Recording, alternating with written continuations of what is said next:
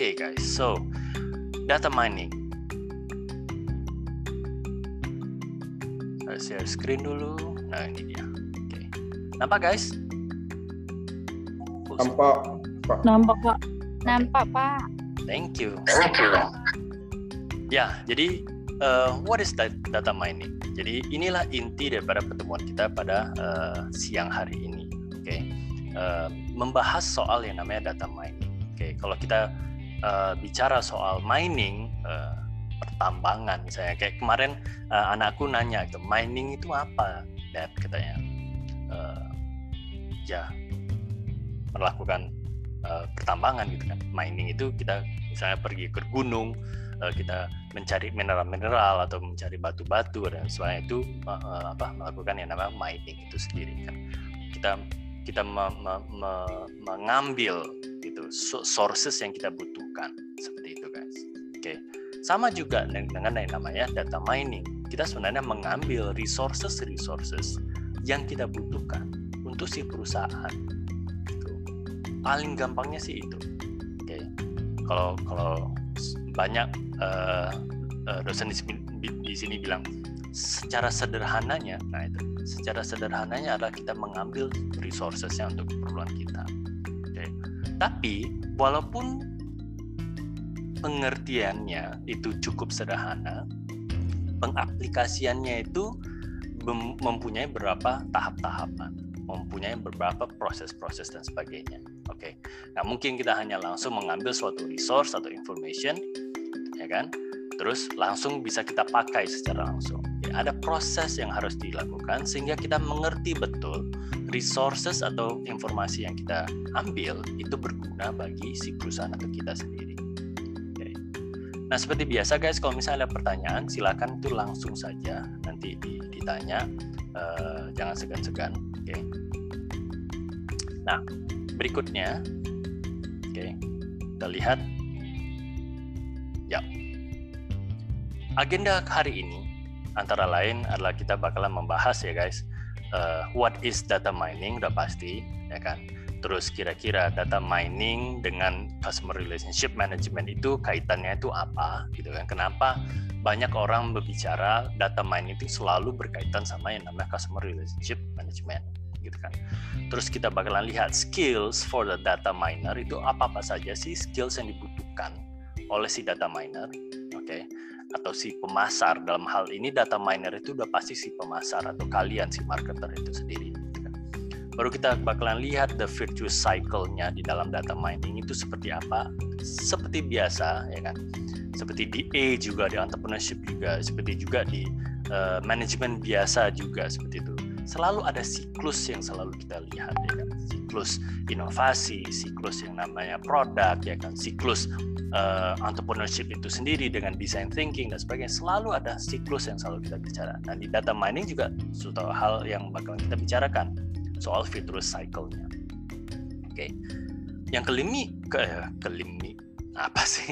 Yang kelima adalah data mining in the virtuous cycle itu sendiri. Penerapan data mining itu sendiri di dalam virtuous cycle-nya. Oke. Okay itu yang bakalan kita coba bahas di dalam pertemuan kita pada siang hari ini. So, kembali lagi, what is data mining? Kan gitu. Okay. Kalau secara uh, pengertian definition itu sendiri, data mining is a business process for exploring large amounts of data to discover meaningful patterns and rules. Okay. Jadi data mining ini adalah sekumpulan proses yang dilakukan oleh sebuah perusahaan atau seseorang pemasar, seorang pemasar, seorang marketer itu dengan cara dia mengeksplor, mengumpulkan resources resources berupa data-data. Oke. Data-data yang pada akhirnya setelah dia menganalisa, dia melihat ada suatu pola tertentu yang terjadi. Pola-pola tertentu itu terkadang akan membentuk suatu peraturan. Dalam hal ini peraturan bukan peraturan ini ya, misalnya undang-undang dan sebagainya. Tapi penetapan kenapa hal ini, hal A menjadi hal B dan sebagainya. Oke. Atas pola-pola tertentulah kita mengetahui kenapa itu bisa terjadi. Oke. Jadi data mining itu seperti itu, mengumpulkan segala resources yang diperlukan. Jadi kalau contohnya guys, dulu ya uh, studi kasusnya itu di, dilakukan pas saat di Amerika waktu itu kan. Uh, ada ada perusahaan wine waktu itu uh, wine cast waktu itu ya. Jadi dia dia suatu perusahaan yang cukup kecil, tapi bukan level UMKM yang sangat kecil, tapi dia bukan juga perusahaan wine yang memiliki uh, apa uh, kebun anggur yang luar biasa luas gitu. Cukup dia sebagai suatu uh, perusahaan uh, wine yang sangat sederhana ibaratnya kayak uh, perusahaan keluarga si Gary V dulu gitu kan. Dia cukup besar sehingga dia itu bukan suatu UMKM atau startup tapi dia bukan sebesar perusahaan-perusahaan raksasa wine yang lainnya seperti itu. Ya, dia juga bukan suatu uh, apa uh, toko yang mempromosikan yang namanya diskon-diskon untuk melakukan yang namanya penjualan dia gitu. namun yang dilakukannya adalah dia sangat dekat dengan pelanggan-pelanggan dia. Salah satu inti yang selalu dia lakukan adalah dia selalu dekat dengan pelanggan-pelanggan dia. Dia selalu ingin tahu apa sih yang di, uh, di, di uh, utarakan oleh si pelanggan. Feedback itu menjadi suatu knowledge atau pengetahuan bagi si si perusahaan agar bisa pada akhirnya itu uh, apa, uh, meningkatkan yang namanya experience si customer itu di dalam uh, wine shop dia sendiri.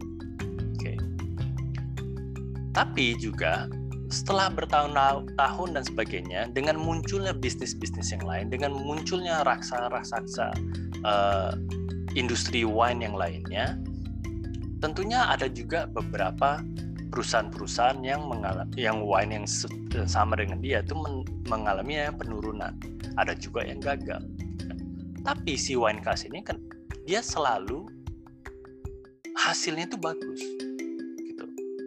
loyal customers dia itu yang dia pertahankan itu yang dia yang namanya uh, apa namanya uh, kuatkan customer relationship manajemennya itu itu yang dia fokuskan pada waktu itu sehingga dia lebih bergantung kepada si loyal customers itu dibandingkan dia harus mencari orang-orang yang baru beda mungkin sama perusahaan-perusahaan yang besar perusahaan-perusahaan wine yang besarnya itu dia bakalan sangat uh, bereksplor kepada uh, customer-customer baru gitu.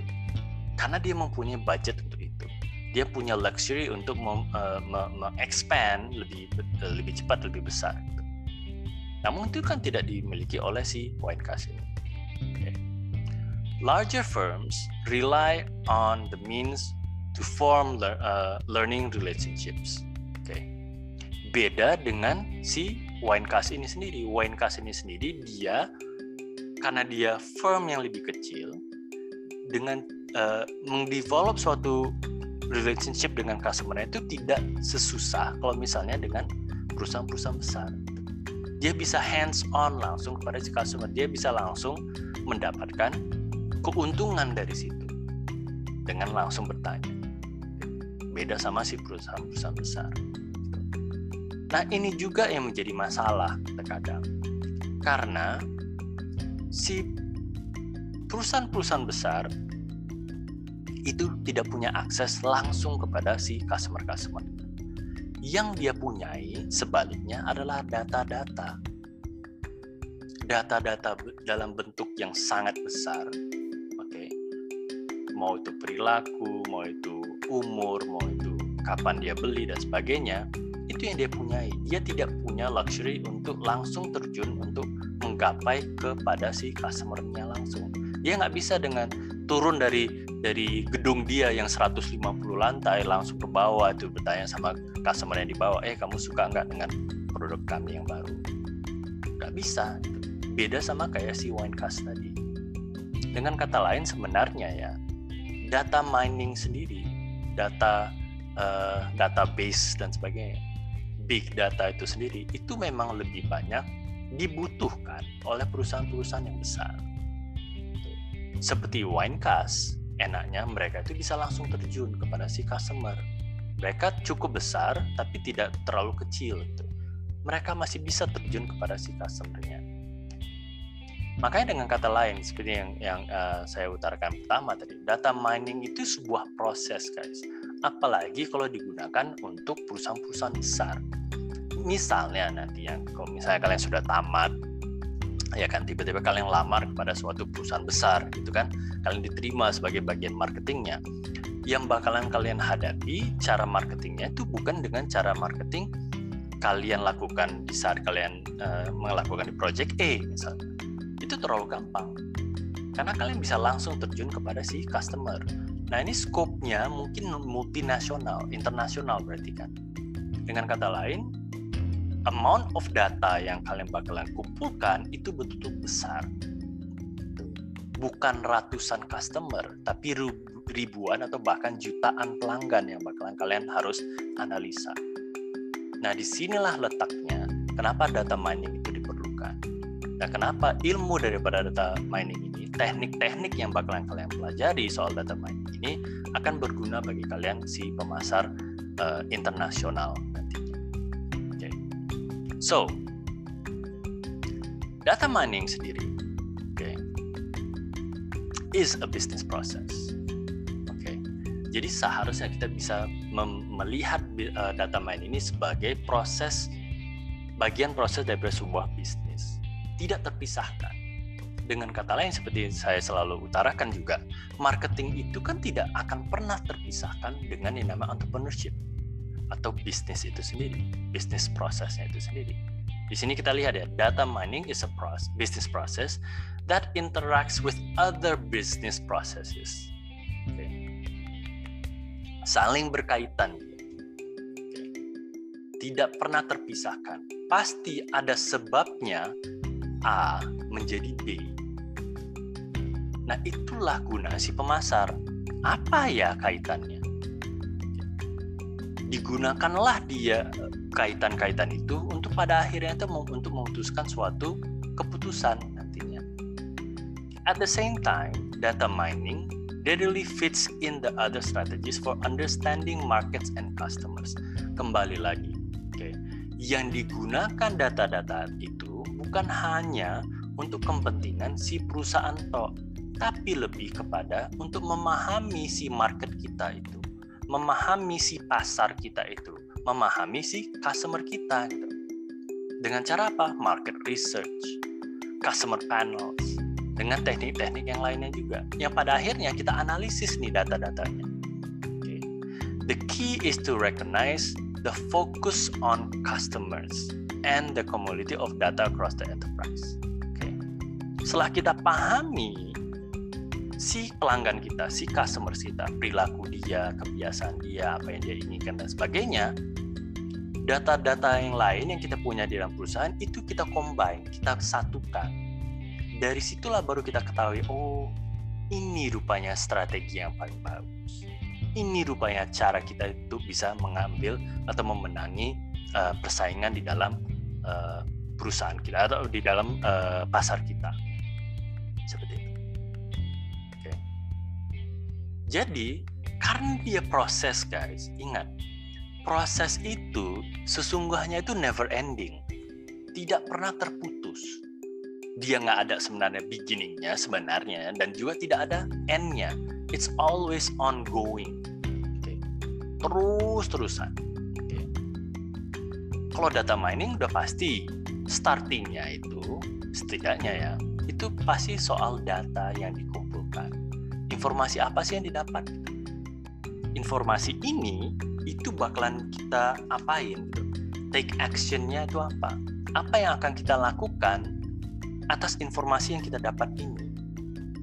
Informasinya misalnya, oh ya, uh, yang sering beli ada ibu-ibu rumah tangga anak satu. Oke, okay, kalau tahu kita itu, apa yang kita gunakan dengan informasi itu? Seharusnya itu menginspirasi kita untuk mengambil tindakan-tindakan selanjutnya. Oke. Okay. Nextnya kita harus tahu juga data mining ini selalu consist of large amounts of data. Oke. Okay. Besar, banyak. Pertanyaannya selalu adalah how much data. Berapa sih data yang yang dikatakan a lot of data? Menurut kalian sendiri, kira-kira ini aku mau tanya sama kalian ini, kira-kira menurut kalian data yang banyak itu berapa banyak? Nah itu. ada ada yang bisa ini nggak jawab? Kira-kira berapa? Apakah ratusan atau uh, miliaran data atau kita bicara soal uh, kilobyte, megabyte, terabyte, gigabyte, mana? Menurut kalian berapa sih? Ada yang tahu? Lebih dari terabyte lah pak, lebih banyak kali itu pak. Lebih dari terabytes. Oke, okay. ya betul. 10 million terabytes of data. Okay. Dan itu bukan dalam satu tahun. Database data yang selalu terkelilingi mau itu transaksi, mau itu orang menginput nama dia, mau itu dia lagi menjawab suatu kuesioner dan sebagainya itu kan data. Bayangkan di seluruh dunia kira-kira lebih dari 10 juta terabytes of data setiap hari itu selalu terkumpulkan di dalam dunia ini. Bayangkan kalian satu perusahaan, oke lah perusahaan besar, mencoba mengolah itu semua. Bayangkan kalau misalnya dia di dalam suatu Excel, ya kan? Excel ada rows sama kolomnya kan? 10 terabyte data. Muntah nggak? Mual kan? Baru sheet pertama kita ada, hmm, apa pula ini? Kayak mana lah caranya nah, itu? Itulah big data Itulah yang dihadapin sama perusahaan-perusahaan besar. Itulah makanya di saat si marketer bisa mengolah data-data 10 million terabytes itu menjadi suatu analisa, menjadi suatu keputusan, dan lalu menjadi suatu strategi, nggak heran kalau dia menjadi top 5 pekerjaan paling mahal di dunia dibayar dia paling mahal di dunia. Kenapa? Seorang marketer, seorang manajer marketing itu paling gede gajinya. Kalian aja melihat suatu data yang mungkin paling 100 misalnya kan di, di Excel aja udah muak ya kan. udah sakit kepala kan. Ini yang banyak kali ini. Bayangkan 10 million terabytes of data. Berat, kalau kita kita lihat tadi kan di di gambar slide yang pertama itu kan banyak kan belum lagi ada ada ada tadi ada gambar yang mau aku masukin tapi nggak jadi nanti kalian kaget pula. Dalam satu ruangan itu semua server-server misalnya.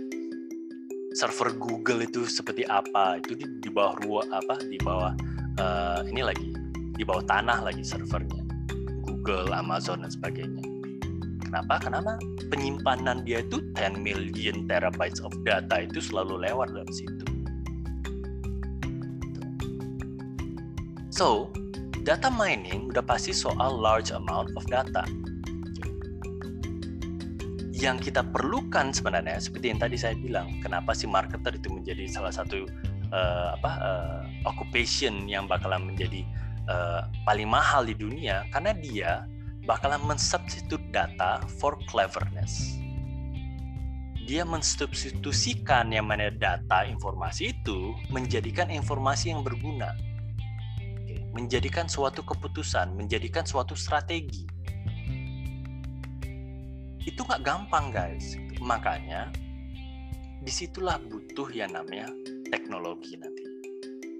Dan di situlah gunanya nanti teknik-teknik data mining supaya kita pada akhirnya betul-betul memahami cara menganalisis data kita dengan cepat. Nggak akan mungkin kita uh, apa menganalisis 10 million terabytes data itu tadi. Oke. Okay. Dalam waktu misalnya, oh ya 10 million berarti uh, eh, 10 tahun ya Pak aku analisa. Nggak mungkin. Yang dibutuhkan perusahaan itu langsung. Enggak aku nggak butuh 10 tahun mendatang baru aku tahu hasilnya. Aku butuh sekarang. Hasilnya itu apa? Gitu. nah di situlah letak yang namanya teknologi. Nah tadi kita bicara soal large amounts of data soal data mining. Data mining juga yang paling penting adalah melihat meaningful patterns and rules tadi. Ya kan? Dia betul-betul melihat yang namanya pola-pola. Data ini yang kita kumpulkan. Oh iya, ini pola-polanya. Oh iya, dia selalu beli di hari Rabu di jam segini. Itu kan pola. Sehingga dari pola itu kita bisa mendetermine yang namanya rules-nya peraturan-peraturannya, peraturan main ya, jadi bukan undang-undang dan sebagainya. Jadi seperti peraturan main. The most important part of the definition of data mining is the part about meaningful patterns. Betul-betul harus bisa kita lihat, oh ya pola-pola ini. Oke. Apalagi uh, kalau aku tanya sama kalian di di di uh, di sini, uh, kira-kira di kelas ini yang suka dengan statistik siapa? Ada nggak? Oh, atau nggak usah Pasti suka? bukan saya, Pak. Pastinya bukan kamu. Oke, iya. Oke. Suka apa? Ada nggak yang suka? Tapi suka apa? Ya biasanya nih guys, orang-orang yang suka dengan statistik, ya kan, dia bisa gampang melihat pola-pola tertentu. Oke.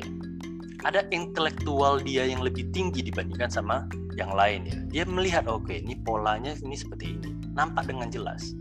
Hanya dengan angka-angka yang dia lihat. Gitu. Nggak usah dia masukkannya ke dalam rumus. Oke. Karena dia senang dengan angka-angka, dia bisa melihat pola-pola tertentu. Ini, ini, ini, ini nih maksudnya. Nah itu nanti cara kita saat kita melihat pola-pola itu dengan baik, gitu kan. Di situlah baru kita bisa menerapkan yang namanya marketing dengan yang sempurna.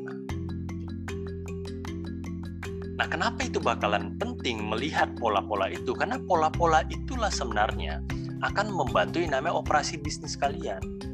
Gitu. Lebih gampang kalian mengetahui kapan kalian harus nge-push penjualan misalnya. Karena kalian tahu oh ya, biasanya orang selalu uh, mau beli banyak di uh, Hamin 7 hari raya, misalnya seperti itu. Datanya kita lihat pola tertentu itu naik tuh penjualan di saat seperti itu. Di situ kita push penjualan, misalnya seperti itu. Itu kan membantu yang namanya operasi bisnis. Gitu. Jadi kita nggak mem mem membuang-buang effort lebih di kegiatan-kegiatan yang nggak berguna. Itulah pentingnya melihat pola-pola. Oke. Nah, seperti yang tadi saya bilang, data mining bakalan sangat berkaitan khusus atau erat dengan yang namanya Customer Relationship Management atau CRM. Oke. Kenapa ini terjadi? Ini sama halnya dengan yang selalu kita bahas soal yang di E. Kita harus betul-betul mengetahui siapa customer kita. Itu yang pertama. Tapi kan nggak cukup kita hanya mengetahui dia itu siapa. Kita harus lebih deep dive lagi kepada dia. Kita harus terjun lagi ke dalam pemikiran dia mengunderstanding dia, mengerti dia. Dia butuhnya apa? Dia maunya apa? Keinginan dia itu secara spesifik itu apa? Nah, itu akan membantu membuat kerjaan kita sebagai marketer jauh lebih gampang. Kita lebih memahami apa yang dia inginkan daripada kita harus bersusah-susah bersaing dengan kompetitor. Oh, si kompetitor bilang buat kayak gini ya, oh aku juga buatlah untuk menyaingi dia. Jangan guys, bukan yang sana yang harus kita fokuskan sebenarnya. Sebenarnya yang harus kita fokuskan tidak lain adalah si customer relationship-nya, si customer-nya. Lupakan selalu bilang harus komputer harus dilihat. Betul, dilihat. Tapi bukan mereka yang utama. Sehingga kita lupakan si customer kita. Yang notabene dia yang bakalan membeli produk kita. Kan bukan si kompetitor yang bakalan beli betul kita harus melihat si kompetitor itu melakukan apa sebagai pembandingan. Tapi di saat kita ingin mengeksekusi, tentunya kan kita harus lihat si customer kita.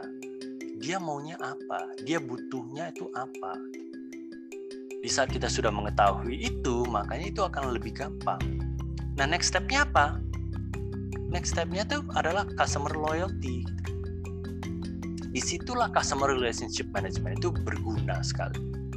Di saat kita bisa membangun sebuah hubungan yang erat, sebuah hubungan yang di mana si customer itu nggak perlu kita mengajak dia untuk membeli, dia pasti udah datang duluan untuk membeli. Gitu.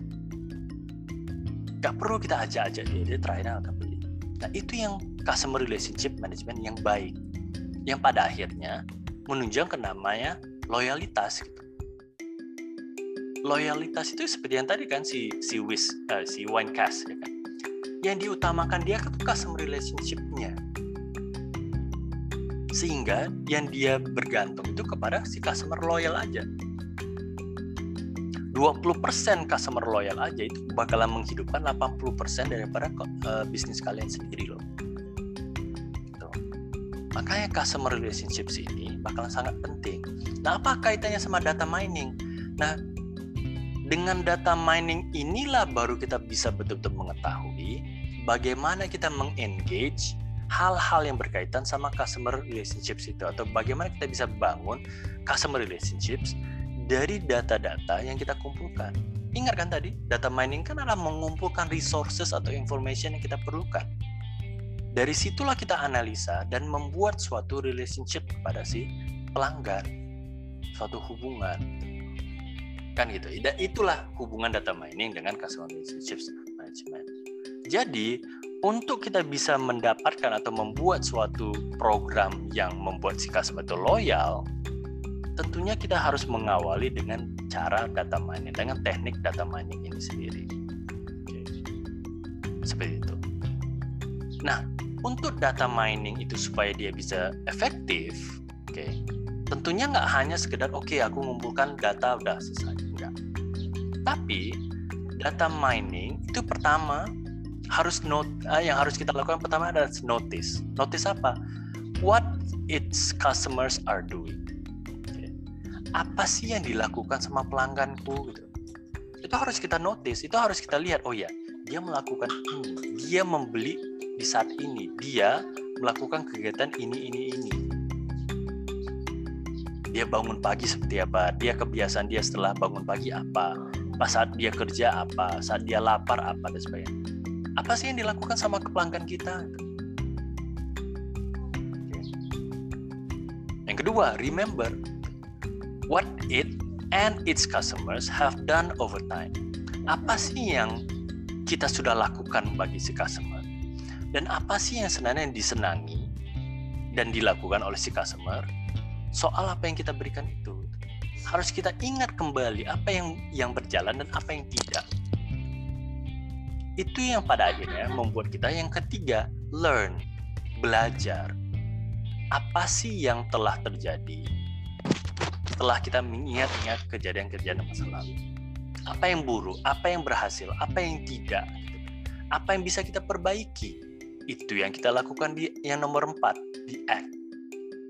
Setelah kita sudah mengetahui dan belajar apa yang berhasil dan apa yang tidak nah sekarang ini supaya nanti si customernya itu mau membeli kembali dan sebagainya dan kembali loyal kepada eh, bukan kembali loyal tapi menjadi loyal kepada kita kira-kira apa sih yang bakalan membuat itu berjalan apa sih yang pada akhirnya juga bisa membuat itu profit untuk si perusahaan atau si bisnis itu profit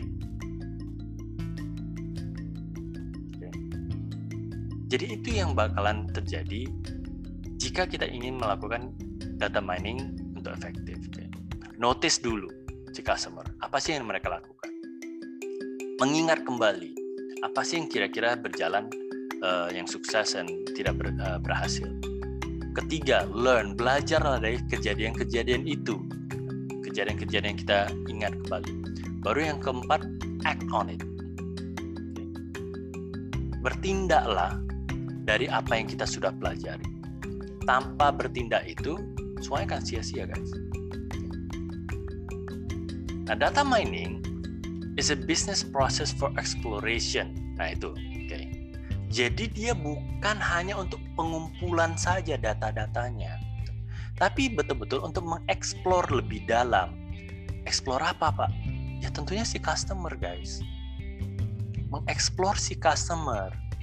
Apa sih yang menjadi betul-betul kebutuhan dia? Apa sih yang betul-betul yang dia sukai? Apa yang berjalan apa yang tidak? Apa yang berhasil? Apa yang gagal bagaimana Pak cara kita kita bisa mengetahui dengan menganalisis? Gitu.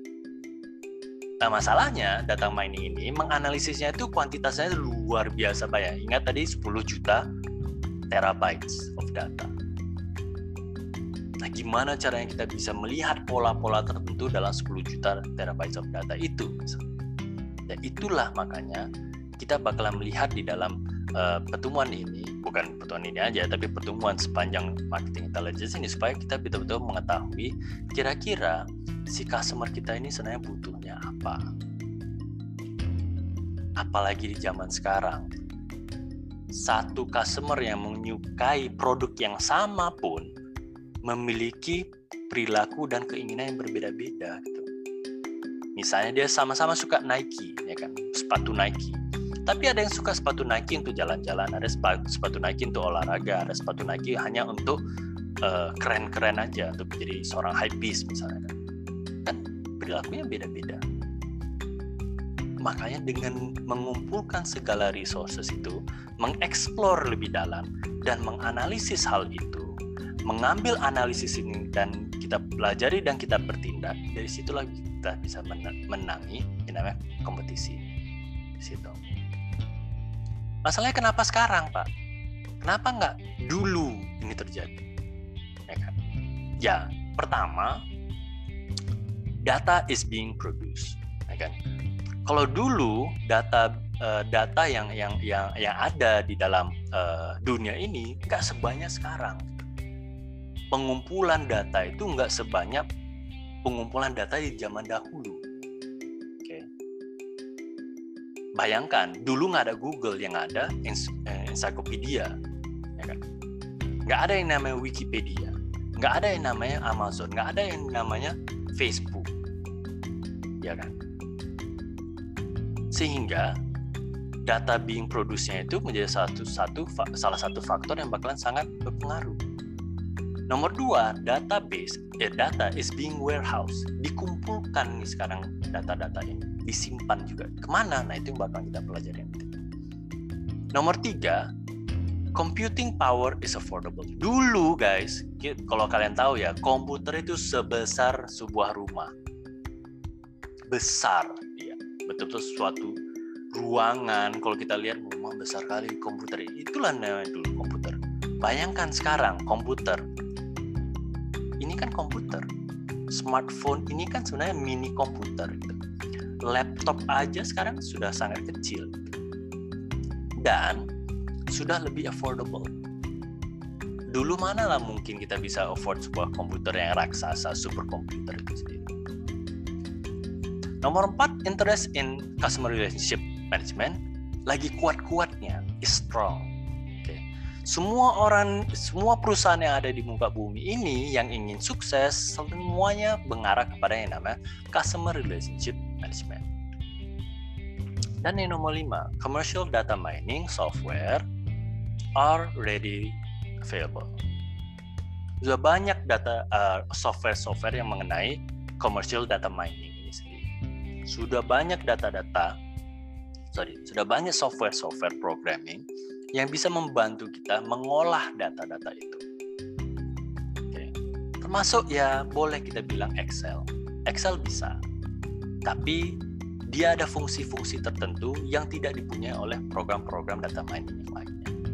Bisa, tapi untuk melihat 10 giga, 10 terabyte data itu kan bakal memusingkan untuk Microsoft Excel sendiri.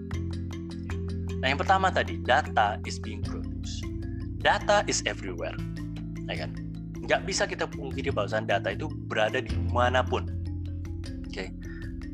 Bisa di copy dengan segampang Ctrl C, habis itu Ctrl V, copy paste, copy paste, copy paste. Jadi data-data yang selalu jadi satu, jadi tiga, seratus, jadi seribu, jadi sejuta dan sebagainya. Gampang sekali. Okay. Nah, data mining itu karena kita tahu bahwa kita harus mengumpulkan data-data, volume data-data, volume uh, informasi-informasi. Dari situlah baru kita tahu, oke, okay, algoritma daripada data mining ini harus betul-betul mengetahui si data ini diperlukan untuk data-data yang mana. Itu yang membuat dia menjadi suatu model. Satu orang aja yang membuat suatu website, misalnya kayak kalian kalian buat website di dalam Wix misalnya kan, wix.com. Di saat kalian buat itu website, itu kan langsung mengenerate ribuan data. Bahkan megabytes, mungkin pun gigabytes data. Di saat kalian simpan website kalian kan sudah menjadi suatu apa uh, sekumpulan data. Bayangkan itu baru satu orang. Bayangkan kalau misalnya pelanggan dia itu lebih dari satu juta atau 10 juta atau ratusan juta. Berapa banyak datanya? Bayangkan kayak Facebook sendiri, udah pasti menjadi suatu database yang luar biasa banyak gitu. Dari foto-foto yang ada, video-video yang ada, dokumentasi yang ada, dari postingan dia yang ada, dari apa namanya uh, apa informasi mengenai dia itu dari mana dan sebagainya itu kan data semua. Bayangkan berapa ratus juta orang yang memakai Facebook, berapa puluhan atau bahkan ratusan foto yang dia telah upload. Dan itu bisa kita scroll satu-satu sampai kepada yang mana yang pertama sekali dia posting. Mau meledak rasanya kepala kita kalau memikirkan itu. Banyak sekali data yang lagi diproduksi. Dan itu juga banyak juga data yang lagi di warehouse atau dikumpulkan data-data itu kan seperti tadi yang saya bilang bukan hanya soal foto aja atau bukan hanya soal informasi aja tapi juga soal misalnya dia beli apa ya kan billing dia tuh di mana gitu kan reservasi gitu. dia pesan hotel dia uh, apa namanya berkunjung ke suatu tempat gitu. dia beli tiket nonton dan sebagainya itu semua data-data yang dikumpulkan itu informasi-informasi yang bisa diperlukan atau digunakan oleh si marketer itu tadi. Nah masalahnya kan di mana sih disimpan? Setelah disimpan kira-kira mengambilnya itu gimana? Bisa nggak kita ambil? Setelah kita ambil dan kita dapatkan, apa sih yang bakalan kita gunakan untuk si data ini? Habis itu belum lagi memikirkan, kayak mana cara aku ngolah data ini? Kalau gampang kalau kita bisa bisa bilang hanya oh gampang apa pakai SPSS misalnya. Oke salah satunya bisa pakai SPSS gitu. Tapi itu juga yang menjawabkan ini nomor tiga guys. Computing power is affordable. Seperti yang tadi saya bilang dulu komputer tuh luar biasa gede. Itu komputernya doang. Software sendiri misalnya kalau kita berlangganan Microsoft misalnya kan Microsoft Office yang sebenarnya pengen bacakan itu kan jutaan gitu. per tahun berapa user? Itu kan juga uh, kalau misalnya dulu itu mahal. Nah sekarang karena semuanya bisa affordable semuanya bisa kayak zoom misalnya kan zoom orang bisa uh, untuk uh, berapa akun mereka bisa tetean misalnya bisa. Semuanya bisa affordable sekarang semua bisa digapai dengan lebih gampang, semua bisa diakses dengan lebih gampang, dan semua orang bisa memakainya, belajar memakainya, sebagainya, belajar dari YouTube dan sebagainya. Oke, gini cara memakainya, gampang. Computing power is affordable. Dan yang keempat adalah interest in CRM strong. Seperti tadi saya bilang, semua mungkin di perusahaan di muka bumi ini sekarang itu selalu berfokus kepada CRM, Customer Relationship Management. Kenapa? Karena dia mau customer dia itu loyal. Dia nggak mau customernya itu pindah ke merek lain, perusahaan lain. Sehingga yang nomor lima, commercial data mining software products have become available. Okay. Bukan hanya Excel, bukan hanya XPSS dan sebagainya. Banyak lagi yang lain-lain. Okay. Nah, Lanjutannya adalah soal skills for the data miner. Apa sih skills-skills yang diperlukan agar kita bisa memahami sih atau melihat pola-pola yang kita uh, apa inginkan. Okay. Nah, memang seorang data miner itu dalam kata lain adalah seorang marketer seperti kalian harus memiliki basic skills soal statistik. Okay. Nggak luput dari hal itu Pak aku nggak suka statistik kayak mana gitu ya. Belajarlah. Karena seorang pemasar nggak mungkin dia tidak akan menggunakan statistik. Nggak mungkin guys. Dia bakalan selalu menggunakan data-data, eh, dia menggunakan statistik untuk mengolah data-data tersebut. Ya. Memang nggak semua orang bakalan bisa. Specific skills itu bakalan memang diperlukan. Ya antara lain itu tadi statistik. Makanya tadi yang di awal saya bilang, salah satu yang bakalan mahir di dalam marketing intelligence itu adalah orang-orang yang memahami yang namanya statistik. Tunggu ya guys.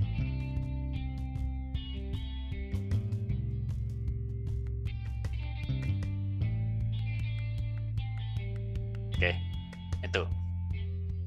Nah, untuk itu kita harus memahami siklus daripada data mining.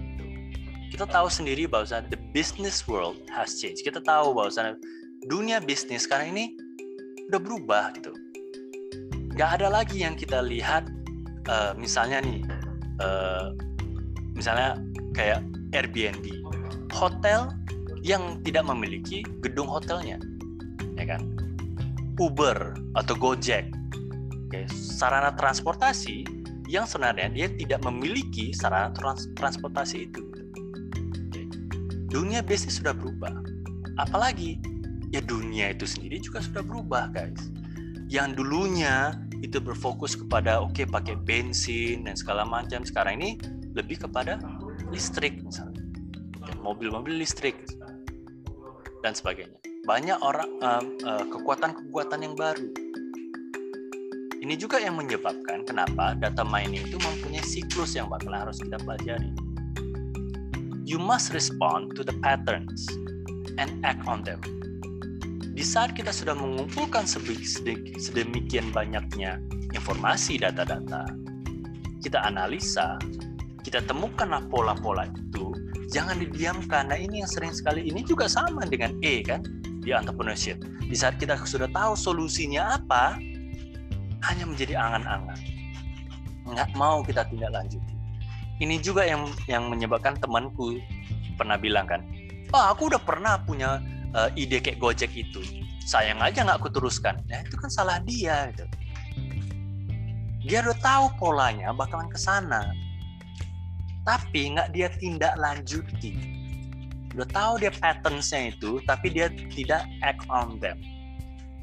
Makanya kita sebenarnya harus mengubah dari data informasi into action. Dari action itu into value menjadi nilai. Itulah pentingnya data mining. Oke, okay. oke, okay. uh, eh, kita istirahat 5 menit aja sebentar. Saya perlu ke kamar mandi. Oke, okay. tunggu ya guys.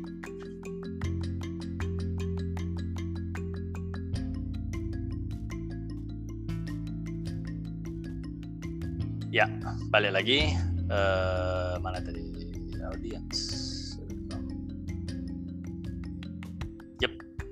So, baru setelah kita mengetahui tadi ya, uh, kenapa patterns itu penting, kenapa pola itu penting, dan kenapa dari pola itu kita harus bertindak, bagaimana sih sebenarnya kita mengapply data mining itu sendiri. Nah, yang pertama memang yang harus kita lihat adalah sebelum kita mengaplikasikan data mining itu secara keseluruhan, yang pertama yang harus kita lakukan adalah melihat historical database-nya. Dari demografi, misalnya ya kan? Dari income dia dari misalnya uh, berapa banyak anak dia dan sebagainya. Oke dari situ sebenarnya terbentuklah yang namanya decision trees. Oke mengetahui dia uh, mengenai perbedaan-perbedaan untuk pengambilan keputusan-keputusan decision trees inilah yang menyebabkan dari informasi-informasi yang kita kumpulkan kita bisa memahami berbagai strategi yang ada sehingga kita bisa mengetahui mana sih yang kita putuskan.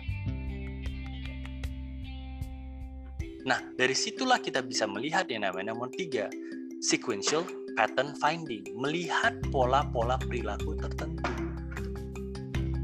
Di situ kita mengaplikasikan yang namanya data mining sampai kepada pengumpulan dia di dalam clustering teknik mengumpulkanlah orang-orang yang berperilaku sama, minat yang sama dan sebagainya ke dalam bentuk-bentuk grup tertentu.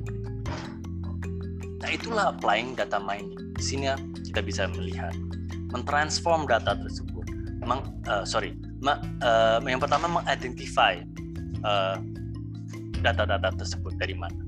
Okay. mentransform data-datanya itu informasi-informasinya menjadi suatu pengertian atau analisa yang baik.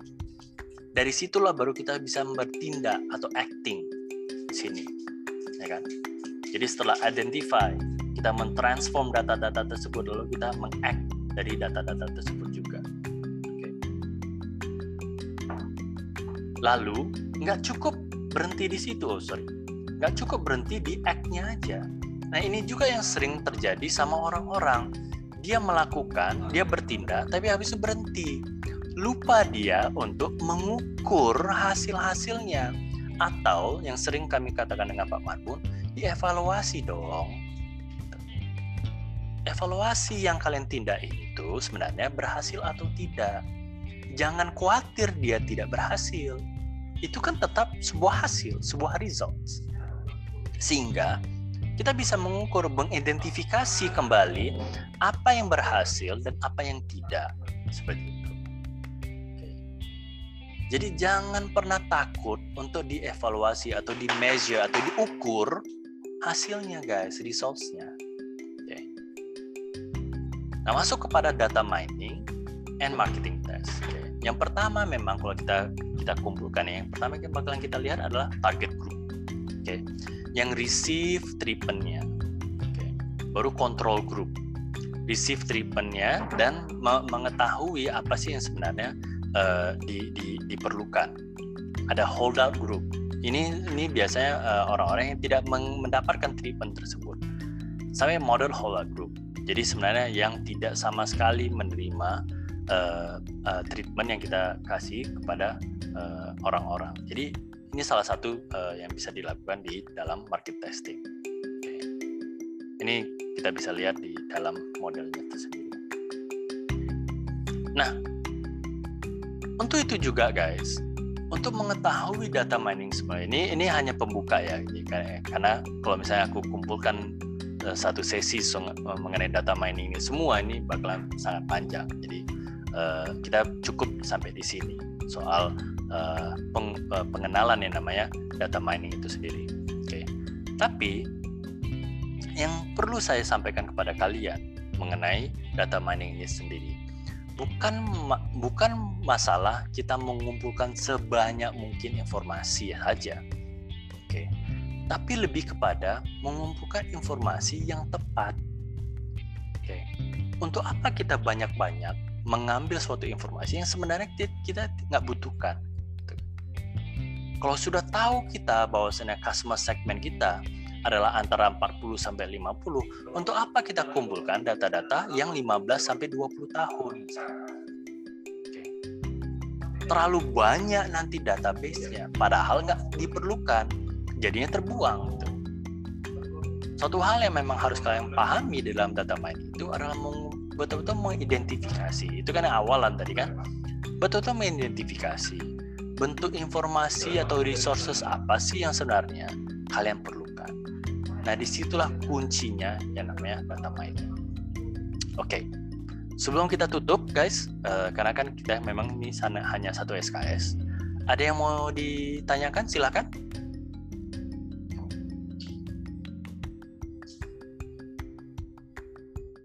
Tidak ada? Oke. Okay. Aman. Oke. Okay. Sip. Ya. Jadi kalau gitu uh, sebenarnya ada studi kasus yang bakalan kita coba uh, apa uh, laksanakan, tapi itu nanti untuk minggu depan. Jadi minggu depan itu kita kemungkinan akan melihat suatu studi kasus dan kalian akan mempelajari studi kasus tersebut. Oke? Okay? Itu saja guys pertemuan kita pada siang hari. Hah? Kenapa? Siapa tadi? Kenapa? Oh, oke. Okay. Yaudah. Uh, itu saja guys uh, untuk pertemuan kita pada hari ini. Uh, tetap jaga kesehatan ya guys, oke. Okay? Uh, walaupun uh, kita masih dalam suasana uh, COVID dan sebagainya, bukan berarti kita tidak bisa menjalankan. Misalnya lagi menjalankan ibadah puasa, tetap menjalankan ibadah puasa dengan protokol kesehatan juga. Jangan gara-gara oh iya aku udah bisa uh, buka puasa sama teman-teman berkumpul kalian dan segala macam tetap jaga kesehatannya guys uh, semoga kita lebih cepat uh, berjumpa lagi di dalam kondisi yang normal terima kasih uh, assalamualaikum warahmatullahi wabarakatuh selamat siang semuanya Waalaikumsalam warahmatullahi wabarakatuh. Terima kasih, Pak. Terima kasih, Pak.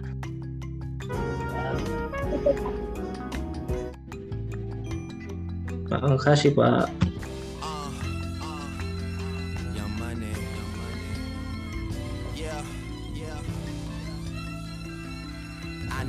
Way too many people here right now that I didn't know last year. Who the fuck are y'all? I swear it feels like the last few nights. We've been everywhere and back, but I just can't remember it all. What am I doing? What am I doing? Oh yeah, that's right. I'm doing me. I'm doing me. I'm living life right now, man. And this what I'ma do till it's over. Till it's over. Far from over. Alright, bottles on me. Long as someone drink it. Never drop the ball. Fuck it, y'all thinking. Making sure the young money ship is never sinking. About to say.